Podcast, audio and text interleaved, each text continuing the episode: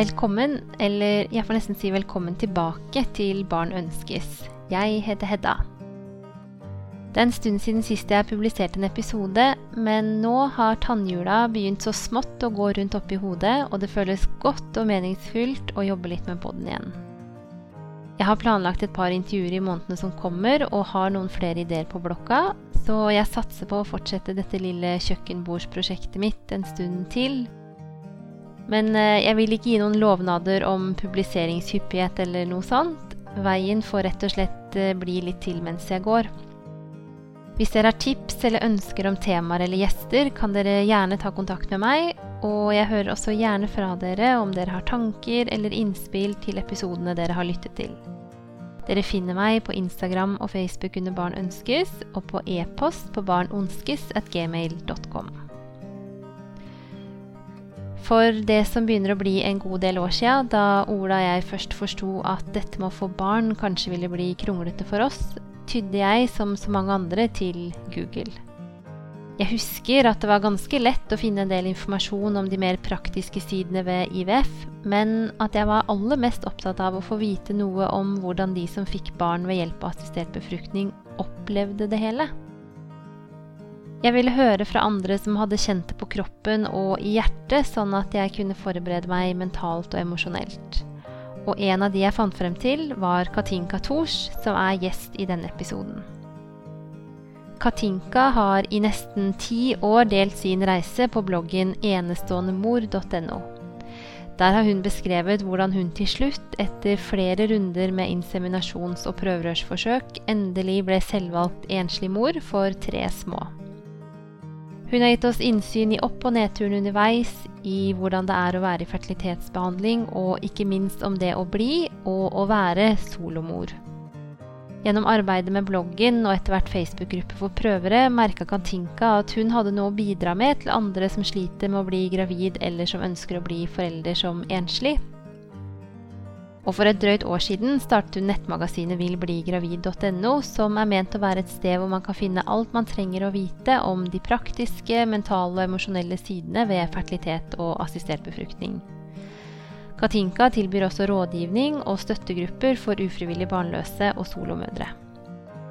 I denne episoden snakker Katinka og jeg bl.a. om hvordan hun tenkte omkring det å gå i gang med assistert befruktning og foreldreskap som singel, om erfaringer hun gjorde på veien, om tanker om donor og barnas genetiske opphav, om søskenlengsel og om å føle seg litt villfaren når man endelig står der med en positiv test i hånda.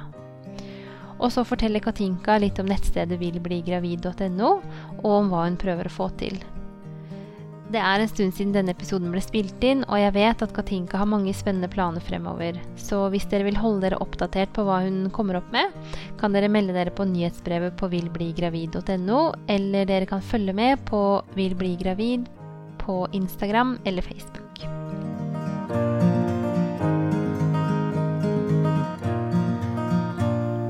Hei, Katinka. Velkommen til Barn ønskes. Hei. Jeg tenkte at vi kunne begynne med at du forteller litt om hvem du er. Mm. Jeg, jeg, heter jo da Katinka. Jeg er 42 eh, år uh, ung. Uh, og jeg er selvvalgt alenemor til tre små barn.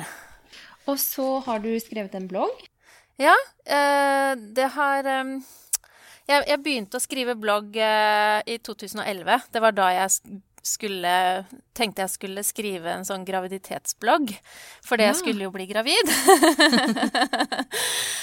og det Jeg hadde ikke egentlig tenkt at det skulle bli en prøveblogg, men eh, det var jo det det blei. Eh, for det var ikke så lett å bli gravid som jeg tenkte det skulle bli, da. Nei, ikke sant? Jeg var jo sunn og frisk og hadde, hadde ikke noe grunn til å tro at eh, jeg ikke skulle bli fort gravid. Så sånn, sånn kan det bli. Sånn kan det bli, ja. Vanskelig å vite på forhånd. Ja. Jeg husker jo deg fra da vi opprinnelig begynte å prøve i, i 2013. Fordi eh, den enestående mor-bloggen, det var jo en sånn som raskt kom opp når man googla alt som håper jeg, hørte fertilitet og IVF til, syns jeg. Og jeg tipper at jeg ikke er den eneste av lytterne som har vært innom den. Ja. Nå fortalte du litt om bakgrunnen for hvorfor, hvorfor du starta den, men, ehm, men, du holdt jo på lenge med bloggen. Hva, hva har den betydd for deg? Den har betydd veldig mye. Um, det handla jo litt om å, at når jeg prøver, prøvde å bli gravid, at jeg måtte ha et prosjekt liksom ved sida. Altså ikke det, det, å bli Det å med fertilitet uh, skulle ikke ta for mye plass. Så var det å blogge ved sida og ha et litt annet prosjekt, men allikevel ikke noe helt annet, var veldig godt for meg, da.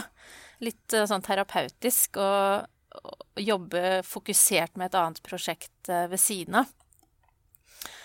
Så at ikke prøvinga blei eh, det eneste store prosjektet i livet. Mm. Mm.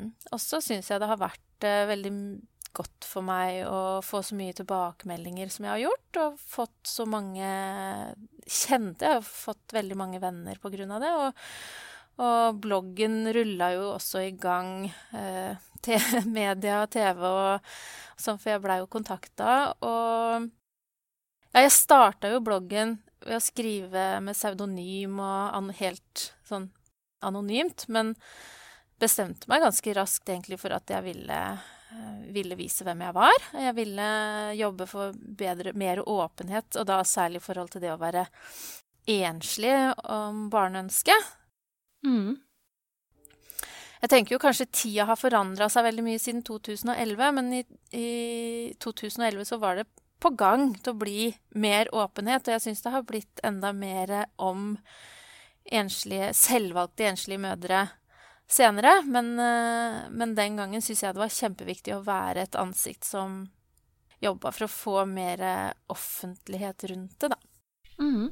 Ja, for det var en av de tingene jeg hadde lyst til å spørre deg om også, for jeg føler at du liksom tok en liten sånn hva skal jeg si, sånn rolle i samfunnet med, med, tanke på akkurat det med åpenhet rundt en litt sånn utradisjonell vei til det å, å bli forelder. Og så hadde, jeg lurte liksom litt på det, om du hadde merka noen, eh, noen, utvikling på det området gjennom de årene fra 2011 og fram til liksom de, i senere tid nå, om, om, om liksom folk var mer åpne for det? Ja, det, det har skjedd, skjedd veldig stor utvikling. Eh, på, i folk sine Det var ikke det at jeg møtte så mye negative holdninger den gangen, men, men eh, jeg har inntrykk av at du, man vet mer om det i dag, da. Mm. Uh, det har jeg. det er ikke så mange spørs, liksom rare spørsmål lenger. Nei. At det kanskje var litt mer sensasjonelt liksom, den gangen? Ja, det har jeg inntrykk av. Det er litt blitt enda mer normalisert. Da. Det er ikke sånn Det er ikke sånn veldig spesielt lenger. Og også det med synet på donor har, har endra seg veldig mye. Er mitt inntrykk i hvert fall at det har blitt til det bedre. Men så har jo jeg også vært i det hele tida, så det er liksom kanskje litt vanskelig for meg å se det utenfra, da. Ja, jeg skjønner. Så kan hende det var noen andre som hadde svart bedre på om det egentlig har vært så stor endring. Men jeg føler det. Ja. Mm.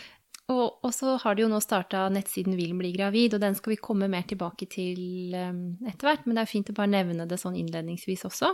Mm. Ja, det er uh, en nettside jeg har lyst til å utvikle for å ha et sted til man kan gi bedre informasjon om fertilitet. Så den handler ikke om det å være enslig mor, men alle mulige familieformer og alle måter å få barn på, har jeg tenkt å innlemme i den, den uh, nettsida, da. Nettmagasinet. Mm. Mm, spennende. Du er jo min første gjest som har, uh, som har vært gjennom den reisen her som enslig.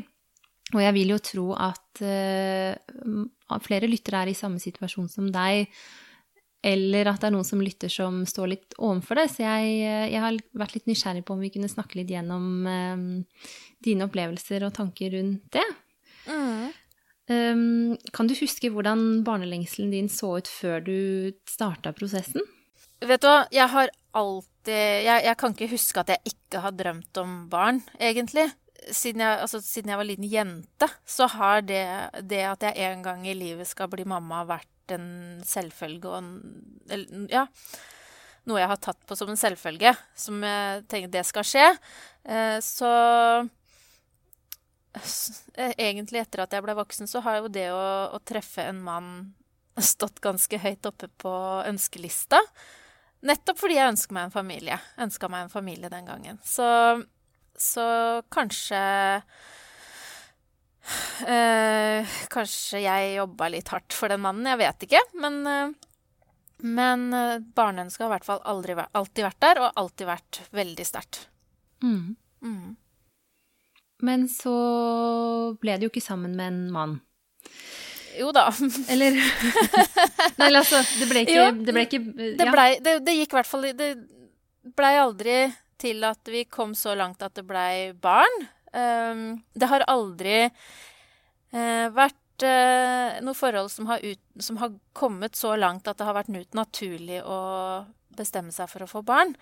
Det har enten vært uh, han som har trukket seg ut, eller at jeg har trukket meg ut. Det har gått begge veier. Men så jeg har ikke noe sånn eh, forklaring på hvorfor, men det, det blei ikke.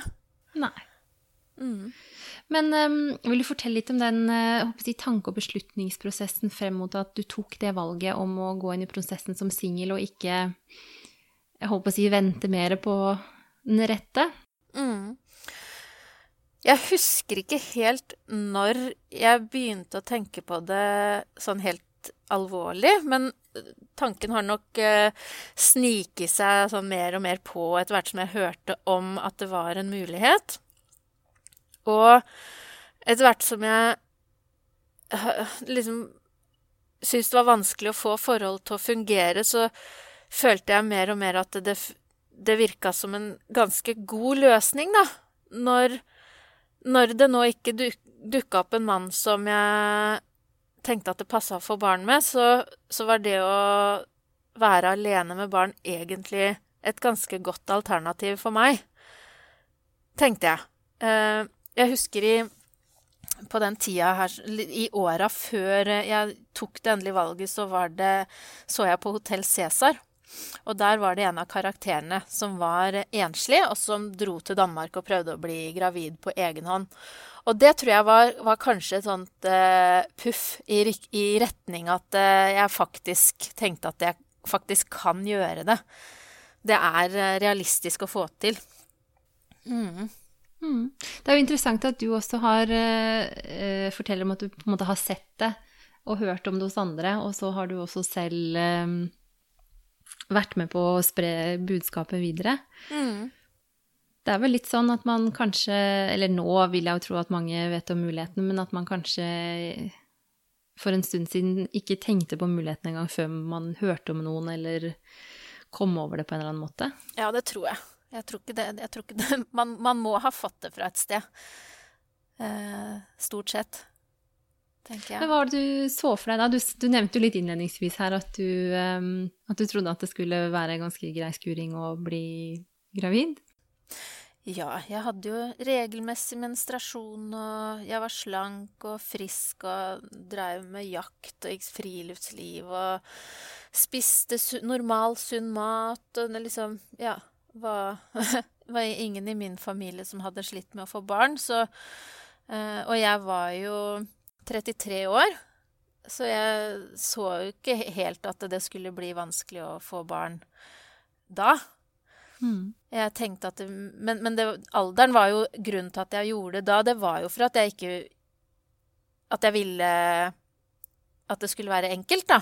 Jeg vil, hvis jeg venta til 35, så ville det begynne å bli vanskeligere og vanskeligere. Og det da tenkte jeg at da er det jo mer fornuftig bruk av pengene, da, om jeg gjør det nå.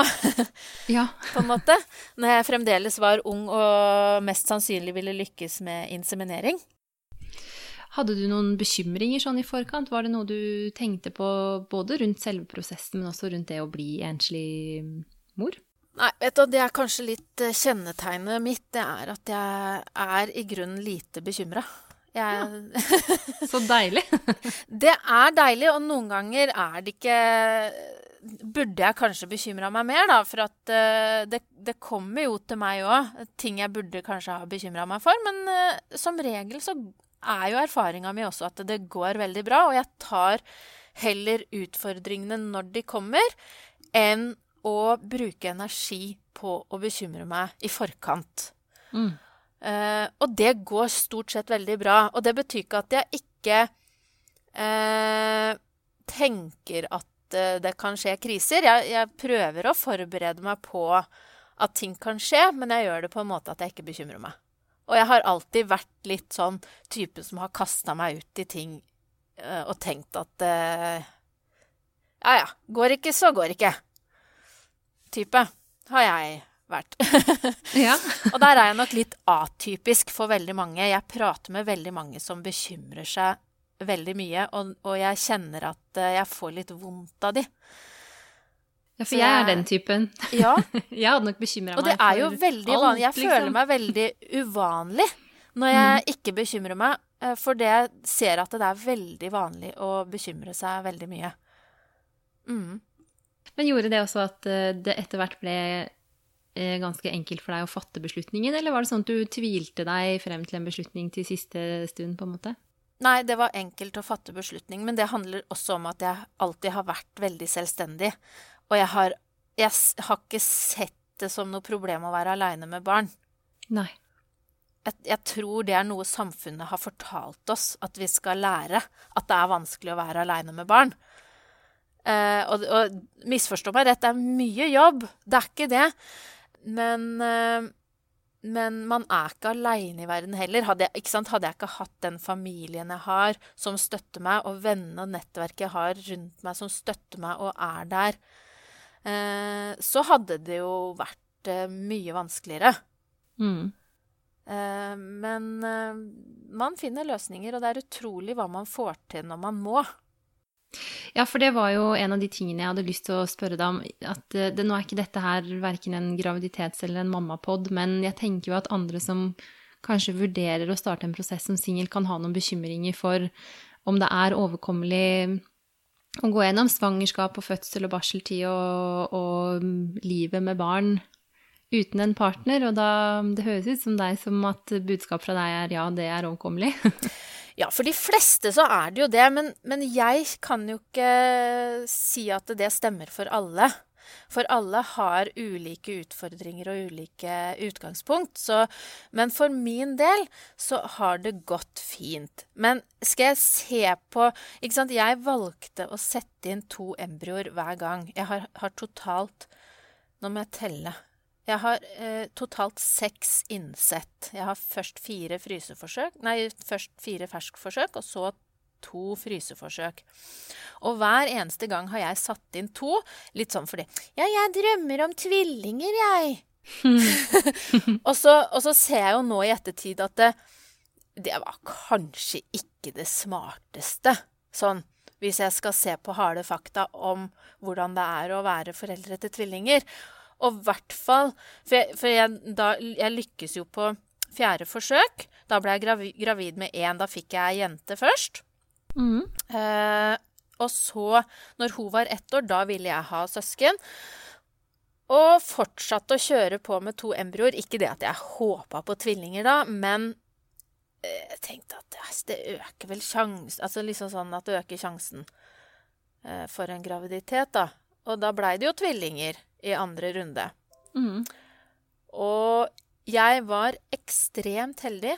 Jeg fikk lov til å gå til termin med de, og de var friske, og de sov som noen eh, Ja, de sov i seks måneder. Eh, så jeg hadde sånn vidunderlig barseltid med dem. Ja. Eh, og, og, det er jo ikke noen selvfølge. Eh, jeg lå to måneder på sykehus i graviditeten med dem. Så hva som hadde skjedd med dattera mi de to Eller jeg lå ikke to måneder, men jeg var to måneder eh, som jeg var inn og ut av sykehus. Jeg hadde 26 liggedøgn. Og da, i den perioden, så klarte jo ikke jeg å ta vare på datteren min. Eh, og vi har det sånn at vi bor tett på foreldra mine eh, i samme lille bygd. Så hun bodde jo hos foreldra mine i den perioden og hadde det fantastisk. Mm. Eh, så hun har ikke lidd noen skade. Tvert imot. Hun har knytta i den perioden sterke bånd til besteforeldrene sine, som har vært helt eh, fantastisk. Eh, så enden på viset er jo at det for meg så har alt gått kjempebra.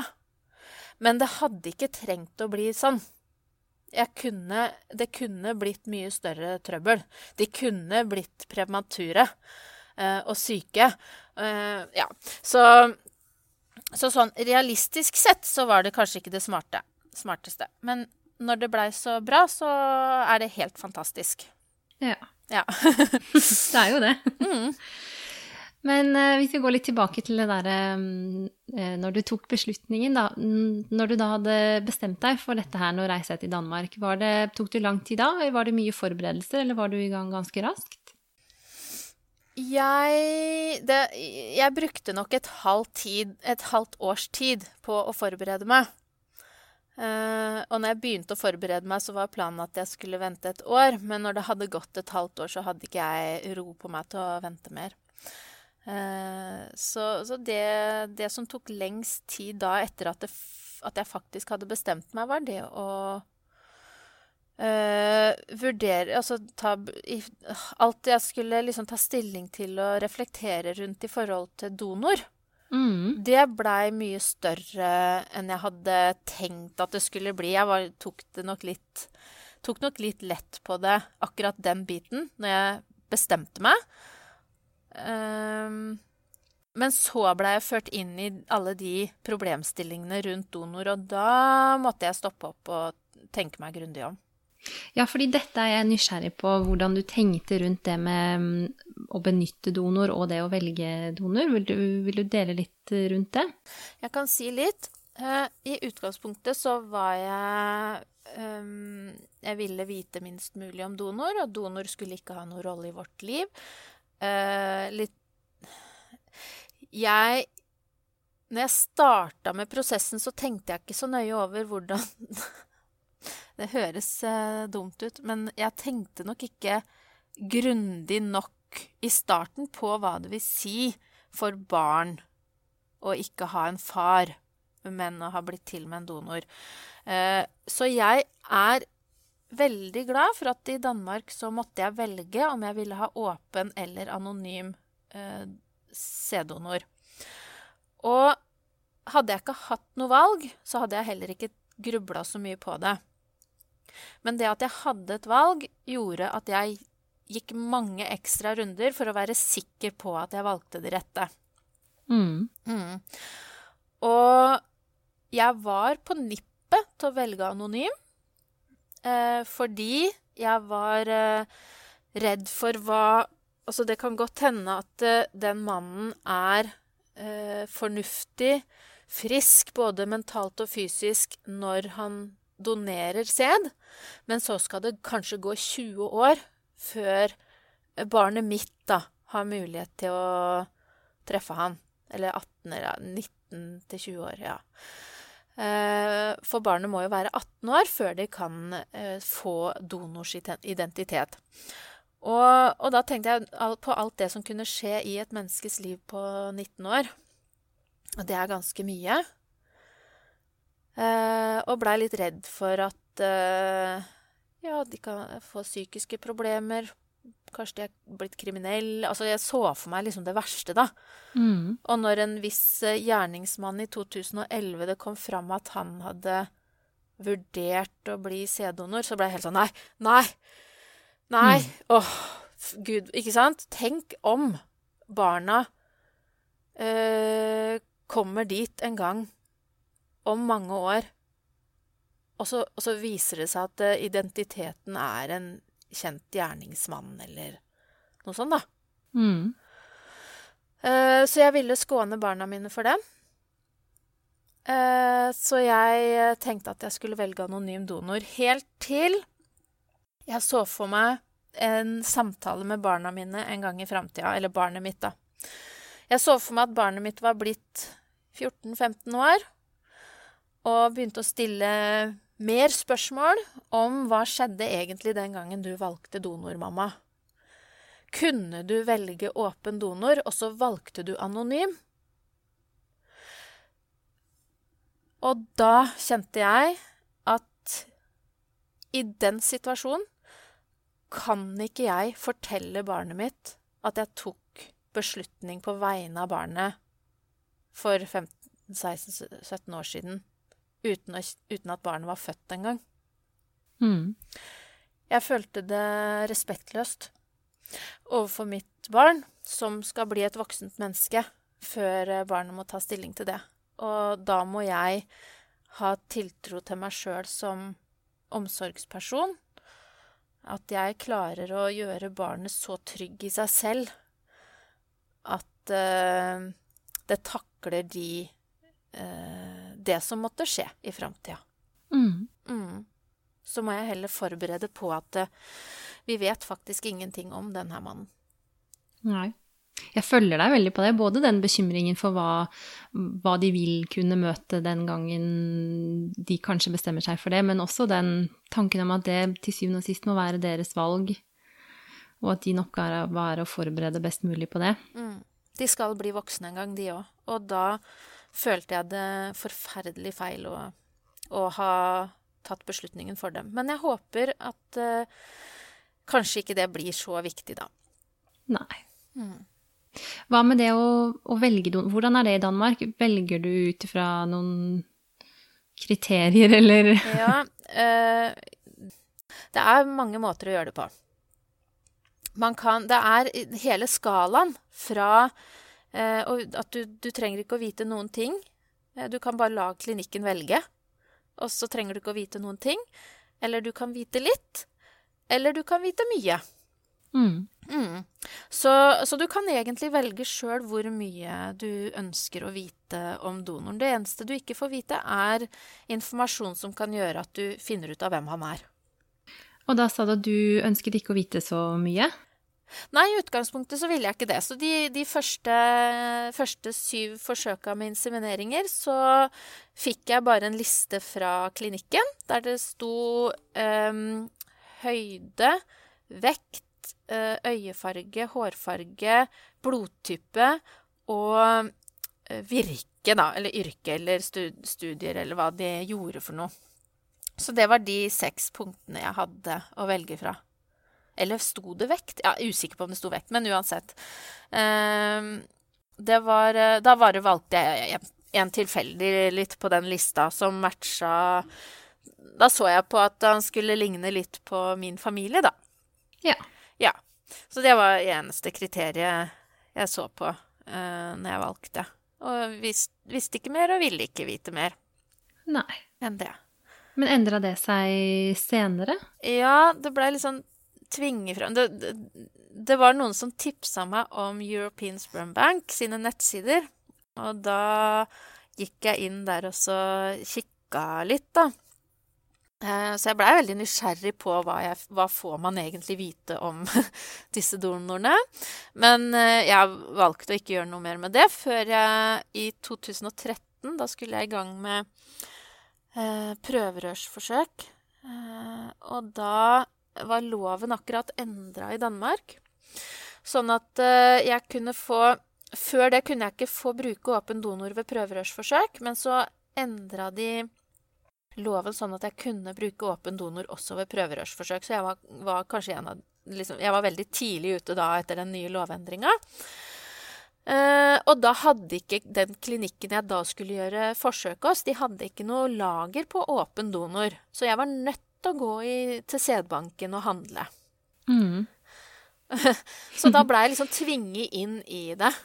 Mm. Eh, og da følte jeg at ok, nå, nå vet jeg så mye. Da blei det vanskelig å ikke ta hensyn til det, da. Eh, men det var også veldig overveldende mye informasjon. Så til slutt så Ja, jeg valgte ut noen få som matcha de samme kriteriene, og så valgte jeg noen ekstra kriterier som jeg så på, for ikke å se meg blind på hele helheten, da. Ja, for det er sånn at når du, når du handler rett fra, fra banken der, så, så, ligger det mye mer informasjon om, om donorene. Mm. Mm. Da kunne jeg laste ned et uh, bilde av donoren som baby, eller som barn, som lite barn. Uh, en lydfil med intervju av donoren. Og uh, et sånn hel, altså kjempestort skjema med informasjon om han, om interesser og, og helse og familie og uh, hva, de, hva, familien har dødd av, åssen de familien så ut, og helsehistorikken til, i, liksom til, foreldre og onkler og tanter og Ja. Så det blei veldig mye, da. Og Det høres ut som at man kan bli helt uh, Man kan jo grave seg helt ned i det hvis man virkelig ja, begynner. og så følte jeg at eh, Jeg følte det så feil, da. For at jeg, jeg var ikke der for å designe noe baby. Jeg Liksom eh, Jeg var ut, Jeg ville ha et friskt barn, jeg. Eh, Det var jeg. Og, og, og egentlig så er jo det Det kriteriet er jo godt dekka opp bare i spermbanken sine, sin godkjenning av donor. Mm. Så godkjenner jo de en frisk og rask eh, donor, og noe friskere mann ville jeg mest sannsynlig ikke truffet på egen hånd. Så, så bare det å velge donor følte jeg som sånn mer, mer enn godt nok, da. For der har sædbanken allerede valgt for meg, på en måte. Eller plukka ut de beste kandidatene. Så hva mer trengte jeg? Så det føltes veldig feil egentlig å gå og kjøpe gener på nett. Hvis man kan putte det litt sånn flåsete ut. Det, jo, det, det, var ikke, det var ikke egentlig mitt ønske, men jeg måtte gjøre det. Og blei jo dus med det etter hvert, og syntes det var helt greit å gjøre det. Og jeg syns jo det er godt nå å vite at eh, når barna mine spør, så kan jeg faktisk svare en god del om han, da. Jeg tror jo det eh, kanskje kan være godt for de. Ja, for den, ligger den informasjonen uh, lagra et sted, sånn at de kan få få tilgang til det senere? Ja, den har jeg fått laste ned. Mm, så den ligger på, her på PC-en min, og jeg har printa den ut også. Mm. Mm. Du, snakker jo, du snakker jo med en del um, andre, eller har både gjennom bloggen og gjennom det arbeidet ditt eh, dialog med andre. Hva, hva slags inntrykk er det du har om liksom, Hva er det folk grubler mye på rundt det der med donor? Oi. ja. Nei, hvordan skal jeg si, forklare, fortelle om det i kort ordelag? Det er nesten umulig, for det er, eh, det er mange bekymringer eh, og mange spørsmål og um, Jeg har ennå ikke møtt noen som tar lett på det. Nei. Det har jeg ikke, altså. Det er mange tanker som ligger bak. Ehm, jeg vet hva, slags spørsmål er det som ikke blir stilt? Du, du, det er eh, uendelig. De, de fleste lurer jo på Eller er jo liksom bekymra for at barnet skal for, forestille seg at donor er eh, en far. Ja. At eh, Og, og eller, eller også forest, Han er jo på en måte en genetisk far, og det er veldig mye diskusjoner om om eh, ordbruk. eh, er, og, og, og veldig mange foreldre er veldig opptatt av at en donor er ikke en far. Og så ser vi det at barna som vokser opp, er flere og flere er veldig opptatt av at de sier at vet du hva, jo, vi kan ikke benekte det, han er den genetiske faren. Mm. Så jeg tenker at uh, det kanskje skal være opp til barna å, å avgjøre hvor, hvordan de vil forholde seg til det. Og, og det er liksom vanskelig som mor å vite helt sikkert hva som er rett. Mm. Men eh, Og de, de, de fleste liksom lurer på åssen eh, Åssen man, man skal gjøre det. Og heldigvis så fins det fine barnebøker som kan hjelpe oss til å fortelle barna akkurat hvordan dette henger sammen, sånn at man kan fortelle sannheten helt fra start, og på en god måte som barna forstår. Mm. Og det er til veldig god hjelp. Men eh, å, å oppsummere hva folk Hva andre lurer på, det, det klarer jeg rett og slett ikke sånn på stående fot. Alltid når jeg tenker på det med, med donor, så tenker jeg på Jeg har jo hørt på jeg, min svenske søsterpodkast eh, 'Jag vil ha barn'. Eh, hvor det er ei som har Hun har vel sånn eh, dobbeldonasjon eller embryoadopsjon eller ja.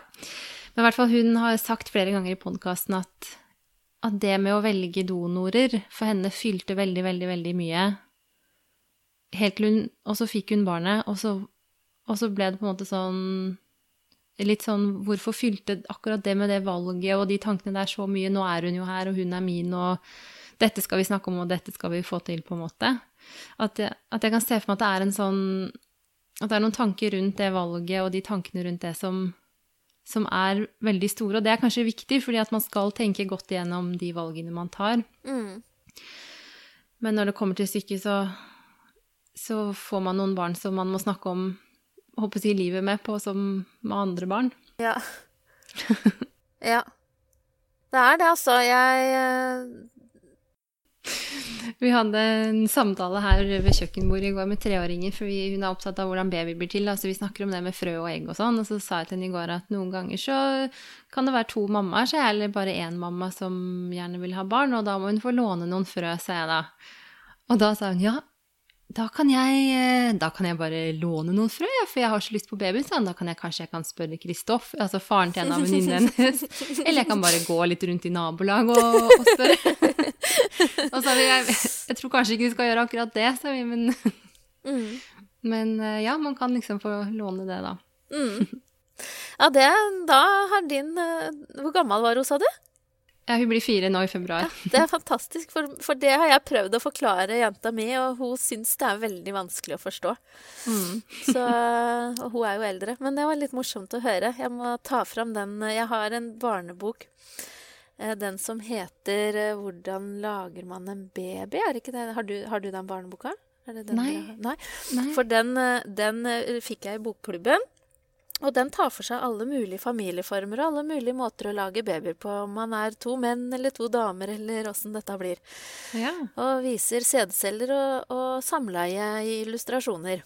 Så jeg fikk litt bakoversveis når jeg så denne boka første gangen, og la den vekk til og tenkte at nei, den er en stund til vi er klare for å lese, vel. ja. Og så viste jeg den til mora mi en kveld, og så hadde jeg glemt å rydde den bort. Så dagen etter så fant jo ungene den boka og begynte å spørre. Så da var vi i gang, og det var en fantastisk god bok. Og det var veldig fint at de fant den boka, for den var veldig, veldig fin å lese fra for å fortelle hvordan man lager baby, og hvordan man gjør det når det er to mammaer, da. Det sto ikke noe om én mor der, men eh, det er jo lett for meg å fylle inn det og, og, og sammenligne med, med, vår situasjon. Mm. Mm. Så den må jeg kanskje ta fram igjen nå. Mm. Snart. Um,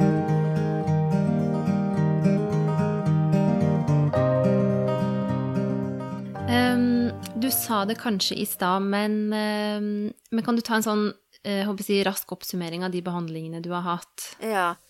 Jeg starta med insemineringer uh, uten noe særlig hormoner. Litt hormoner etter hvert. Uh, men jeg hadde ikke en eneste positiv test etter syv insemineringer. Så klinikken stilte ingen spørsmål med om det kunne være noe galt. Eh, jeg begynte jo selvfølgelig å gjøre det, og satte meg til ved Google og fant ut at jeg hadde endometriose. Prata med ei venninne som hadde det samme, og kunne egentlig konkludere med at det, det var det nok mest sannsynlig. Så da dro jeg til gynekologen og fikk det konstatert ganske raskt. Men det har jeg lyst til å si, for at endometriose er litt sånn skummelt, for man får vite at lapraskopi er den eneste sikre diagnoseformen. Mm. Men det kan hende at man gjør en lapraskopi, og så finner de ikke endometriose. Det, de, det skjedde i mitt tilfelle. De fant ikke endometriose. Og da sier gynekologen ja, da kan jeg ikke 100% sikkert si at du har det. Men jeg har jo lyst til å si 100% sikkert, men jeg får si 99,99 ,99 da. For jeg vet at du har det. Han kunne nemlig kjenne det. Og jeg kjente det. på en måte. Så jeg kjenner det som et blåmerke. Han kjente det som en klump når han på en måte undersøkte meg. Men dette høres ut som at du har vært heldig med gynekologen din? Jeg var hos flere som bekrefta det. Ja. Når jeg stilte de rette spørsmåla, ja. øh, ikke sant? Jeg Ja, for det er jo mange som sliter veldig med å få den diagnosen, så jeg ville jo trodd at hvis man ikke oppdaget noe på en laparoskopi, så vil man bare få tvert nei. Nei, men det var nok det at han kjente den fysisk. Mm. Så var liksom, da er det vanskelig å bortforklare. Og at jeg sier Ja, akkurat ah, Og jeg skreik jo til når han kjente der. Og da som, som et sånt indre Som at jeg har et blåmerke inni inn, innerst i skjeden, på en måte. Mm. Mm. Så da tror da er det jo det du tenker at er årsaken til at det ikke lykkes med insemineringene? Mm. Uh, og så er det mange grunner til at det ikke lykkes når man har endometriose. For jeg hadde jo endometriose som ikke ødela Jeg hadde fine eggleder, jeg hadde fine follikler og eggstokker og alt. Eh, alle liksom eh, Reproduksjonsorganene så jo helt uh, supre ut. Så det var jo ingenting gærent der. Uh, og, og, så det er ikke alltid at endometriose er eh, en sånn fysisk hindring, men det er Det, det går på immunforsvaret. Mm. Eh, så, så jeg tror jo at det han, handla om at endometriose er en immunologisk sykdom, sånn jeg har forstått det. Ja, nå er ikke jeg noen lege, så, men, eh, men, men, det gjør at eh, immunforsvaret er litt eh, overaktivt. Og at det gjør at festet feste er vanskelig. Så da var det IVF som var neste vei å gå. Men i 2011 eh, da kunne ikke jeg bruke åpen donor ved IVF, og det syntes jeg var vanskelig. Så jeg dro til Finland og starta prosess der. Mm. Møtte en mann og satt det hele på pause et års tid. Eh, og så, sånn før jeg kom i gang med, med forsøk i Finland, egentlig. Eh, og, og, det var jo litt eh, fint, da. For da, mens jeg eh, prøvde å få livet til med han mannen, det funka jo ikke, så kom lovendringa i Danmark som gjorde at jeg kunne bruke åpen donor ved IVF i Danmark. Så det, når den tredde i kraft, så var jeg raskt på banen. Å kunne gjøre det der, da. Det syns jeg var fint. Mm. Mm.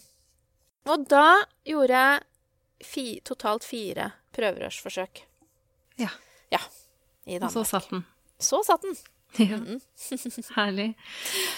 Um, og så bare for å oppsummere søskenforsøkene dine også, for det ble jo etter hvert noen søskenforsøk, men da var det fryseforsøk, var det ikke det? Med, med embryoer fra det som ble Ja, jeg har alltid sett for meg at jeg kom til å få At jeg skulle ha flere barn.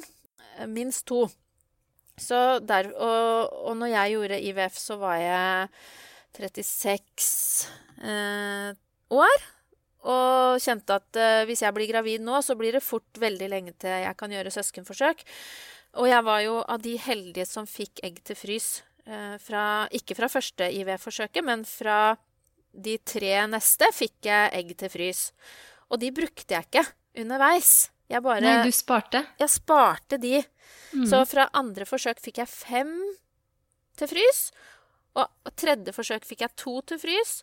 Og siste forsøk fikk jeg ett til frys. Så jeg hadde åtte fryseforsøk uh, når jeg skulle Eller jeg hadde åtte embryoer mm. i fryseren når jeg uh, hadde født uh, dattera mi, da, og skulle i gang med det. Så da skulle jeg jo ha en rimelig god sjanse. Så av de åtte så var det fire totalt som ikke tålte opptinning.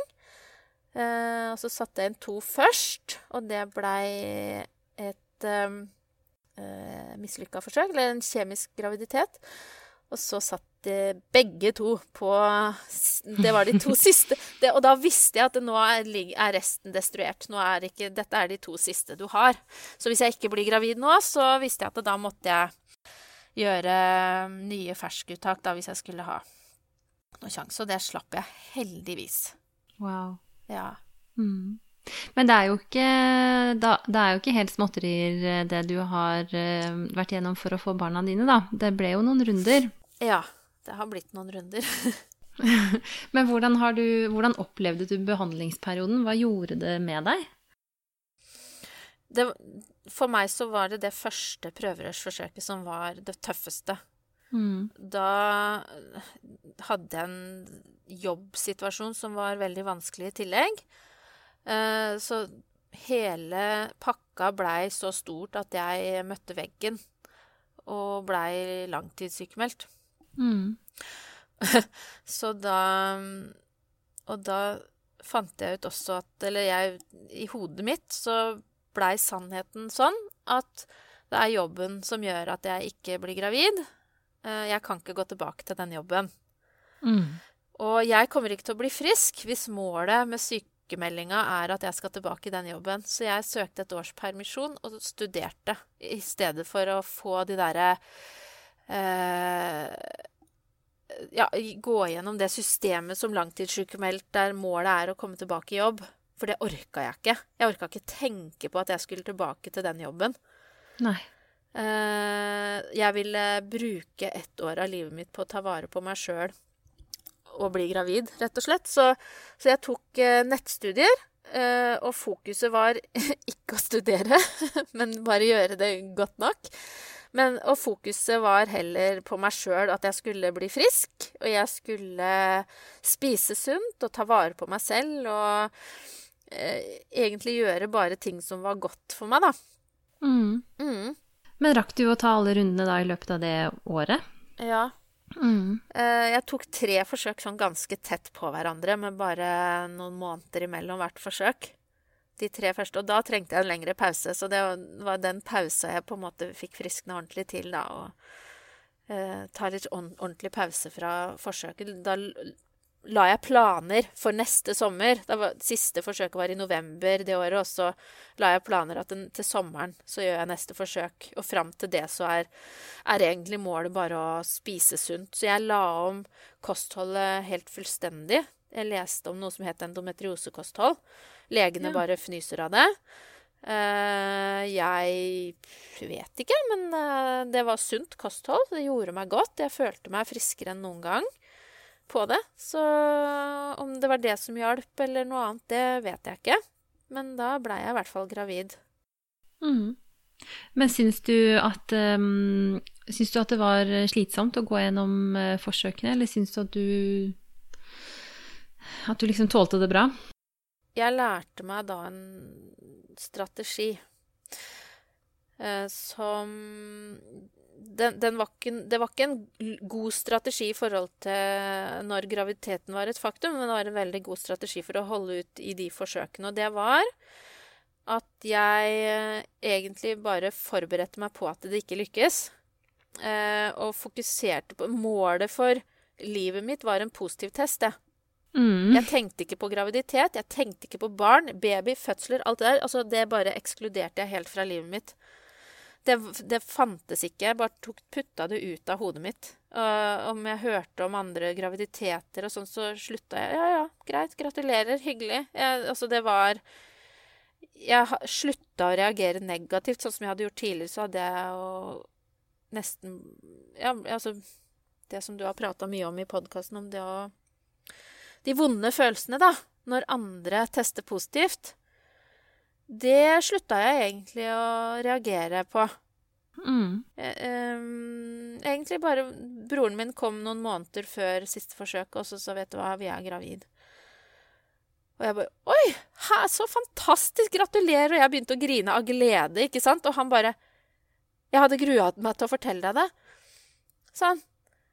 Nei, herligheten, det er jo deg! Det er jeg skal jo bli tante! Du må ikke grue deg til det! Det er jo bare fint. Og hadde, sånn hadde jeg syntes hadde vært vanskelig tidligere mm. å reagere. Så jeg, så jeg, tror jeg gjorde noe lurt i forhold til, til det. Men uh, det kom, kom, jo i fleisen på meg når jeg faktisk var gravid. For da visste jeg ikke åssen jeg skulle forholde meg til det. Ja. Hvordan viste det seg, eller hvordan materialiserte det seg når du da ble gravid? Jeg har kalt det en suksessdepresjon. For på den tida så var det et Skavlan-program, og, og, jeg kjente meg så igjen i det. En regissør som ble intervjua på Skavlan, som alltid etter en premiere gikk inn i en depresjon. Og Skavlan kalte det en suksessdepresjon. Og jeg kjente meg så igjen i det. For, at jeg hadde, for meg så hadde prøvinga gått fra å være eh, et prosjekt for barn til uh, prosjekt bli gravid. Og det var prosjektet jeg var fokusert om. Veien og skritta underveis. Jeg var så fokusert på å drive et prosjekt videre at når den positive testen lå der, da var Det var premieren. Da var det liksom Det var målstreken, da. Mm. Da hadde jeg passert målstreken, og da hadde jeg ikke noe videre plan. Og så, og så, plutselig så befinner du deg egentlig på en startstrek. Ja. Litt uforberedt. Og jeg var, ikke, jeg var ikke klar for å stå på den startstreken. Jeg ante ikke hva jeg skulle gjøre, og hvordan jeg skulle tenke, og hva jeg skulle føle. Og jeg var kvalm. Og jeg skal ikke klage på, på det, men, men, men, det var Det var et sjokk. Mm. Å kjenne at jeg ikke klarte å være glad. For at jeg fikk jo dårlig samvittighet, da. For at uh, nå, nå, må du være glad. Nå har du jo fått det. Så nå skulle jeg jo være glad, for det var jo det jeg hadde jobba for. Og det var jo det jeg ville. Det var jo det eneste jeg ville. Og nå skulle jeg jo bare sitte på nettet og google barnevogner og klær, babyklær og mammautstyr og alt mulig som jeg hadde gleda meg til så veldig. Og det var helt dødt. Mm. Jeg fantes ikke klar for det i det hele tatt. Så det er jammen bra at uh, det går ni måneder. Jeg var veldig glad for det. At jeg kunne tillate meg sjøl å ha en depre liten depresjon da. At jeg kunne være lei meg og kunne sørge litt og uh, kjenne på at det, det, faktisk ikke bare er uh, var så veldig fint og flott mm. å være gravid. og så snudde det halvveis i graviditeten, når kvalmen gikk over. Uh, og ultralyden viste at det der lå det en frisk liten jente, og, og, nå begynner jeg nesten å grine når jeg sier det, vet du. Ja. For da da var det jo bare fint. Og da gleda jeg meg til innspurten, og da så jeg lyst på livet igjen. Så, så jeg, jeg, tenker at uh, uansett hvor man er i den prosessen, da, at uh, man skal tillate det er helt greit å være litt lei seg noen ganger. Og at man kan tillate seg sjøl å la det ta litt rom. Og selv når det kommer etter at målet er at du har fått det du drømte om, at du er gravid, så er det også helt naturlig å kjenne på vonde og vanskelige følelser da. Mm, jeg kjenner meg veldig igjen i det. Mm. Jeg tror ikke det er eh, så uvanlig som man kan begynne å innbille seg når man sitter her og tenker 'hvorfor er jeg ikke glad nå, alle andre hadde vel vært det'? Mm. Mm. Noen, nå sier jeg ikke at det, mm, at det var sånn for deg, altså, men i det siste så har jeg noen ganger tenkt på at det nesten er litt som sånn den derre sånn slankegreie. At man tenker sånn Å, hvis jeg bare går ned ti kilo, da, skal liksom, da blir alt sånn perfekt. Og noen ganger kan det være dette samme hvis jeg bare får den positive testen. Eller hvis jeg bare blir gravid og kommer meg til tidlig ultralyd, eller hva det nå er som liksom er målet. Så da man lengter og venter og ser for seg at da skal liksom alt være mm, total lykke og harmoni, og så kan det være et ganske stort sjokk at ikke at livet er som livet er da også. Det er eh, bra noen dager og dårlig andre dager og mm. Mm. Mm. Men det fine for meg, da, det er at jeg, det året jeg liksom tok mitt friår, så lærte jeg også å trives med livet mitt på en annen måte. Mm. Eh, det å slutte i den jobben som gjorde meg så sliten og lei, og, sånn, det er det beste jeg har gjort noen gang. Og det Ja. Jeg, jeg, når man gruer seg til å gå på jobb, så, så, bør man gjøre noe med det. Jeg prater med Det vil jeg si, for jeg prater jo med veldig mange prøvere. Og veldig mange prøvere er redd for å gjøre noe med hverdagssituasjonen sin. Mm. Fordi de de, de, vil ikke bytte Det passer dårlig å bytte en jobb eller gjøre et karrieretrekk akkurat nå fordi at jeg, neste år skal jo jeg ha barn. Eh, og så, så, tror jeg veldig mange fort blir gående i en ond sirkel eh, som de ikke kommer seg ut av. Eh, og så gjør de egentlig hele situasjonen sin bare verre fordi at de planlegger for å få barn, og så får de ikke barn, og så blir det vondt, og så er de fremdeles i den jobben. Altså, de kommer seg ikke videre på noen områder, da. Mm. Og jeg er så glad for at jeg eh, var så u... Ikke sant? Du spurte meg i stad om jeg var, hva jeg var bekymra for. Altså selv det. Jeg sa opp jo jobben min etter det året. Jeg gikk jo ikke tilbake igjen. Jeg gikk ut i, i arbeidsledighet mens jeg var gravid. Det er jo helt idiotisk. Ja, jo, du har jo gjort noen virkelig tøffe prioriteringer som helt ja. åpenbart har vært riktig for deg, men det er jo det er jo Altså, det krever noe, tenker jeg, å ta sånne typer valg. Man velger bort økonomisk trygghet og en del andre sånne faktorer fordi at man kjenner at det er det riktige, men allikevel så tror jeg det sitter veldig langt inne. Ja, ja og det skjønner jeg veldig godt. Men, eh, men det, det, er nesten man, man skal være skal tenke seg nøye om om det er virkelig verdt det. Og er økonomisk trygghet så viktig at du kan gå og mistrives hver eneste dag? Mm. Jeg tror ikke jeg, jeg, jeg, er helt 100% sikker på at det, det, er ikke penger som gjør deg lykkelig. Nei. Rett og slett. Økonomisk trygghet er viktig. Så, så det er, er, nok kanskje ikke for hvem som helst, men man, man skal snu noen steiner Jeg anbefaler å snu noen steiner og se etter noen løsninger. Mm. Og det fins gjerne flere løsninger enn man tror, da, ofte. Mm. Ja. Du, nå går tida forferdelig ja. fort her mens vi sitter og prater. Det er egentlig masse mer jeg har lyst til å spørre om med, med på en måte din reise som, som singel, men, um, men, vi må ha tid til å snakke litt om vil bli gravid. Men er det noe mer du har på hjertet sånn Holdt på å si til andre single som lurer på dette her, eller er det noe sånn Er det noe du syns vi ikke har fått snakke om når det gjelder det? Ja. Eh, jeg har lyst til å si at hvis det er andre enslige kvinner som eh, har lyst til å bli gravid, så eh, ikke vær redd for å ta kontakt med meg eller noen andre dere kjenner som er eh, i samme situasjon. For vi har et kjempefint nettverk på Facebook. Eh, og vi treffes, og, jeg har prøvergrupper der enslige kvinner kan snakke sammen. Små støttegrupper. så det er ikke man, jeg følte meg veldig aleine den gangen, og takket være bloggen fikk jeg kontakt med mange i samme situasjon. Uh, og det har jeg liksom utvida til å ta det inn på Facebook, da, til grupper. Og tenker at det er ikke noe grunn til å gå igjennom aleine. Vi har et stort nettverk som kan hjelpe deg og støtte deg og svare på alle spørsmålene du lurer på. Så ikke, ikke tenk at du må gå inn i det aleine hvis du ønsker støttespillere. Mm. Mm. Men du, hva med dette med, med søskenlengselen? Jeg er alltid litt eh, nysgjerrig på det, da, med, med den ønsket om flere barn. Mm. Nå, før jeg fikk ett barn, så uh, var jo jeg i grupper på Facebook der uh, jeg blei litt sånn uh, Jeg skal være ærlig. Og så skal jeg utlevere noen av mine onde tanker om de damene som allerede hadde fått et barn, de Hva sutra de for, liksom? Når jeg hadde født mitt første barn, så møtte jeg meg sjøl i døra der kraftig. For mm. da skjønte jeg det at jo, vet du hva? Eh, man skal få lov til å eie sine egne følelser. Og har man det vondt, selv om man ønsker allerede har et barn, så er, følte jeg at søskenlengselen kanskje var enda sterkere enn barnelengselen var når jeg ikke hadde noen. Og det er ikke Det trenger ikke egentlig en barnløs person å forstå. For det, det skal ikke være nødvendig. Men jeg håper at vi kan ha liksom rom for hverandres uh, følelser. At uh, alle må ha lov til å føle det de føler, da.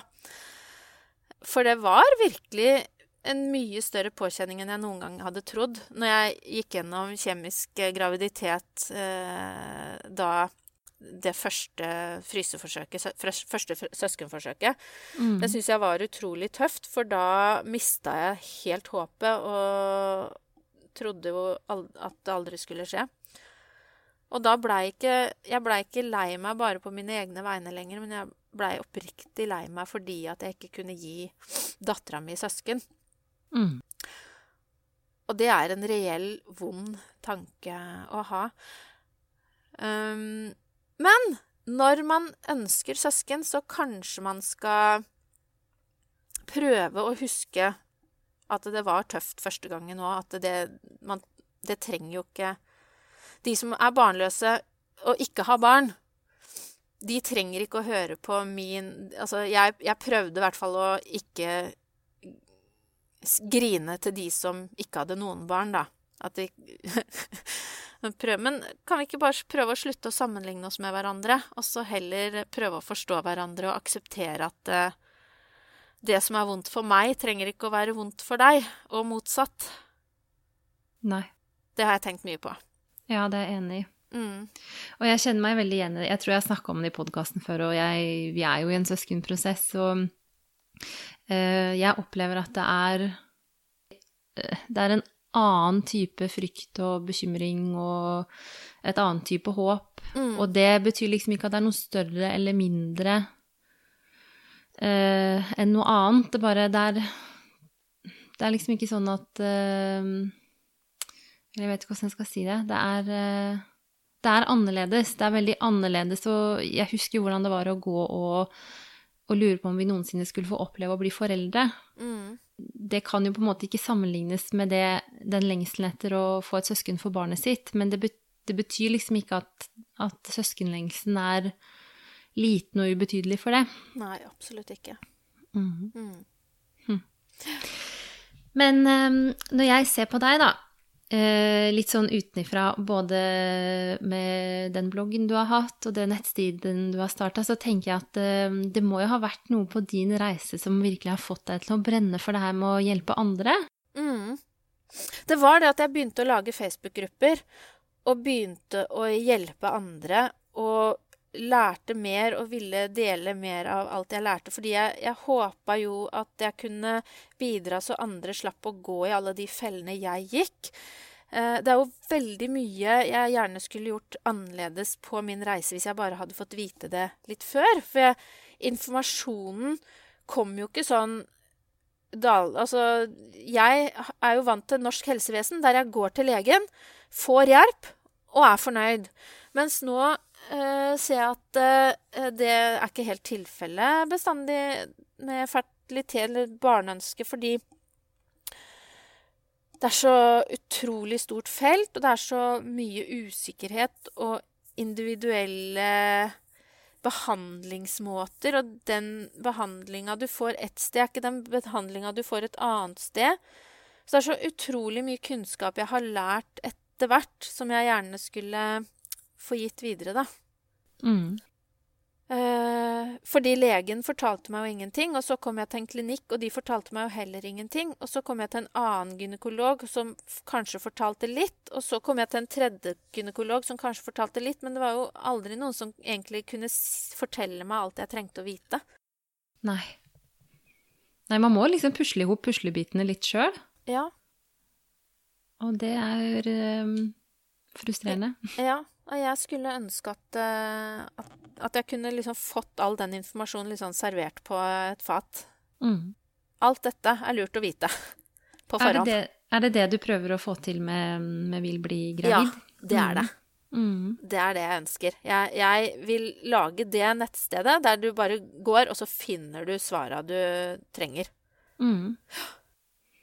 Hva, mm, hva, håper du at det vil gjøre for dem som leser og følger og jeg håper at det eh, Altså, nettsida skal jo på ingen måte være noen erstatning for uh, gynekologen og legen og klinikken. Det er de som er, er, har regi på ethvert forsøk og behandlingsopplegg. Men jeg håper at de som leser, vet, får vite mer og forstår mer hva som skjer, og forstår hva legene gjør og tenker, sånn at de kan eie eie behandlinga litt. Mm. Uh, for det følte jeg veldig stort behov for etter hvert. At, uh, at jeg forsto hvorfor jeg fikk den og den medisinen. Og jeg spurte hvorfor gir du den medisinen, hvorfor har du bytta, hvorfor har dere gjort sånn nå og ikke forrige gang?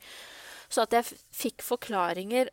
Så jeg håper at uh, de som leser, vet hva de skal spørre klinikken om, og legene hva de, hva de kan forvente å få. Mm. Eh, og at de kan forvente å få gode svar på alt de lurer på. Og også det at jeg jobber med å knytte samfunn og nettverk, så at alle jeg, jeg, vil at alle skal ha noen å prate med. Ja. At alle har noen de kan spørre om og prate med om dette, for, sånn at man kan slippe å sitte på hver sin tue og med Google aleine uten noe støtte, da.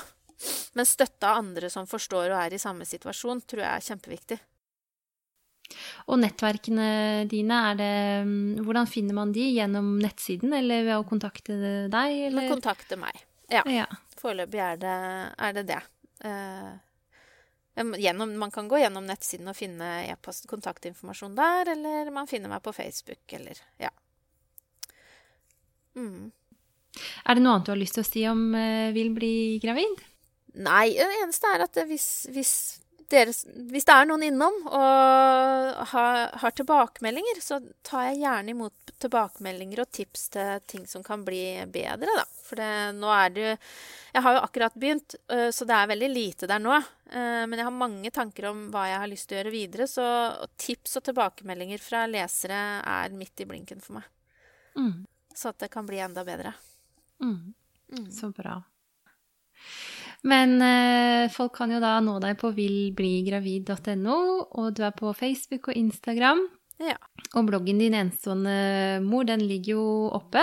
Sånn at eh, det går an, og hvis man virkelig har lyst til å ta et dypdykk i, eh, i din reise, så kan man eh, Jeg, blad, jeg Bare litt for moro skyld, når jeg drev og gjorde research til i dag, så, mm, så bladde jeg meg tilbake for å se når du hadde starta. Og det var Jeg husker ikke hvor mange Jeg liksom bladde meg bakover ti og ti sider.